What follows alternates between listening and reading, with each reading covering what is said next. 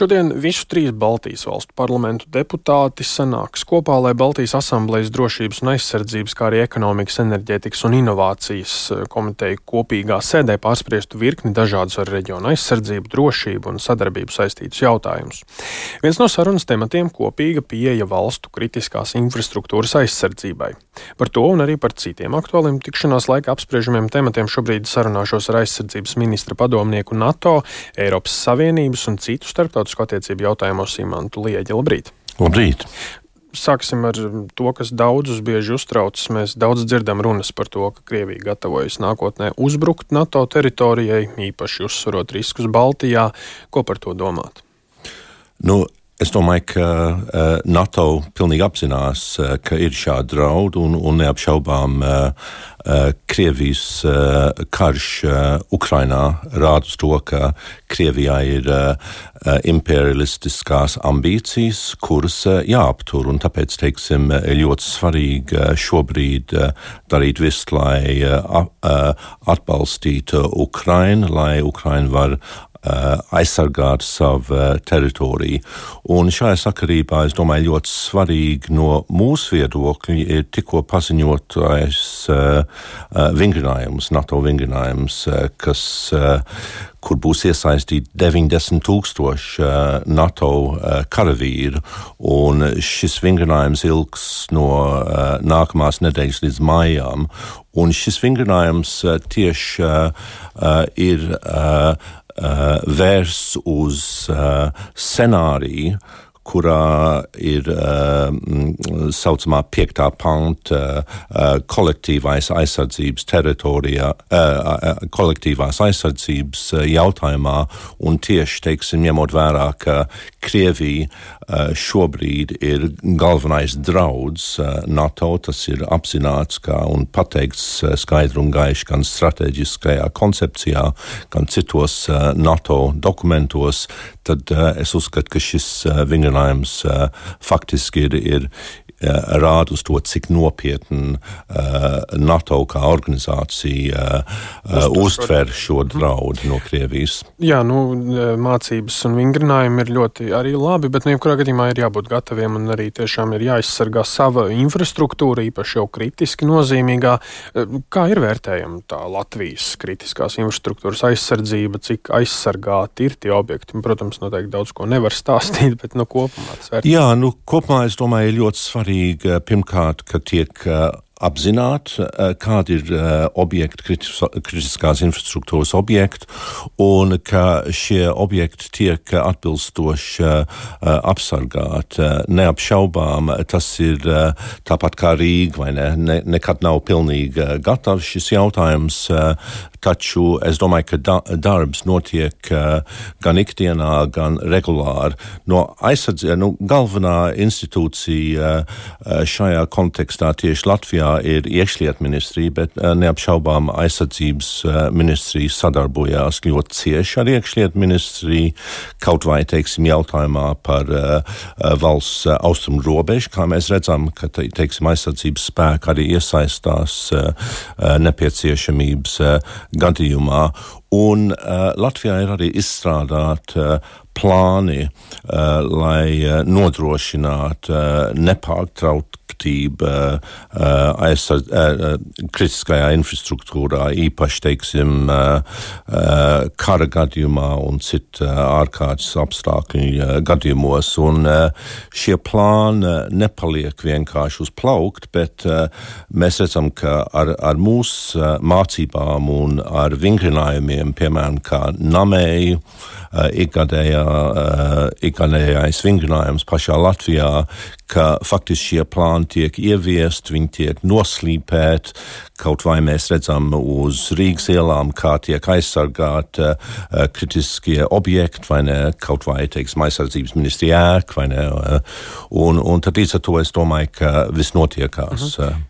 Un šodienas šajā asamblejas darba aprakstā minēts tāds termins - vienota pieeja kritiskās infrastruktūras aizsardzībai Baltijā, kas ir viens no tematiem, Ko nozīmē vienota pieeja Baltijas mērogā? Kas, kas tajā terminā slēpjas? No, es domāju, ka uh, Baltijas asamblējas deputāti pilnīgi pareizi uh, ir izraudzījuši šo jautājumu kā uh, dienas kārtības jautājumu, bet uh, jautājums par uh, vienotu pieeju Es domāju, ka tas varbūt nav tas labākais veids, kā aprakstīt. Es domāju, ka notiek eh, cieša sadarbība, kā jau daudzos jautājumos eh, starp eh, trijām Baltijas valstīm, bet Katrā, katra valsts ir atbildīga iekšēji par savu kritisko infrastruktūru. Dabīgi ir jautājumi, kas kas ir kopīgi, eh, piemēram, eh, enerģētikas eh, infrastruktūra, vai ne, un, un runājot jau vakar ar kolēģiem no Lietuvas, vai ne, ir skaidrs, ka tas, ka mēs kaut vai elektrības tīklu. Tagad uh, mēs noslēdzam uh, uh mūsu uh, saites ar Krieviju, Baltkrieviju un paliekam, teiksim, vairāk uh, uh, iesaistīti ar Eiropas tīklu. Tas ir, teiksim, viens konkrēts gadījums, kas rāda uz, teiksim, sadarbības nepieciešamību, bet es domāju, ka jāskatās arī nedaudz plašāk uz šo jautājumu, jo uh, gan uh, NATO, gan Eiropas Savienība Uh, faktiski uh, viņiem ir, uh, ir, ir, ir iestādes, kas nodarbojās NATO štābā Briselē, ir centrs, kas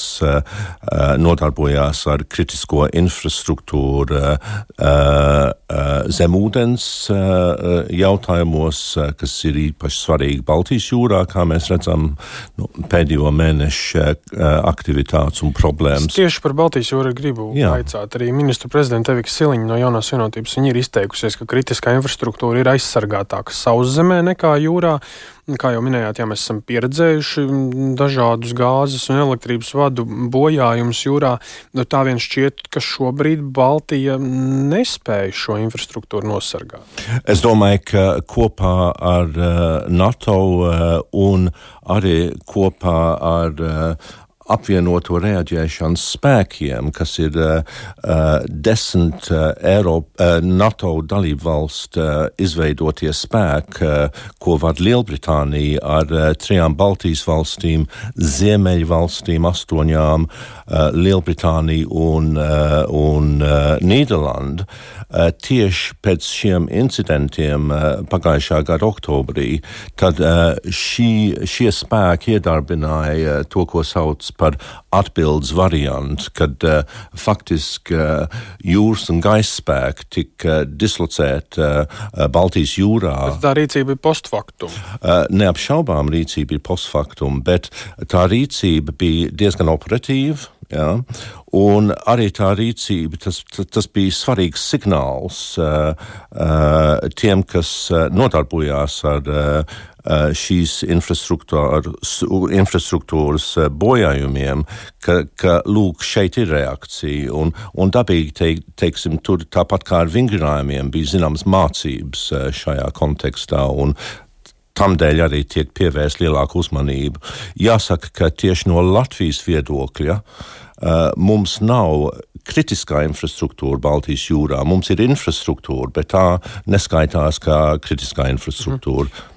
Un eh, vēl runājot par um, aizsardzības jautājumiem, ik pa laikam rodas idejas un runas par Eiropas armijas izveidi.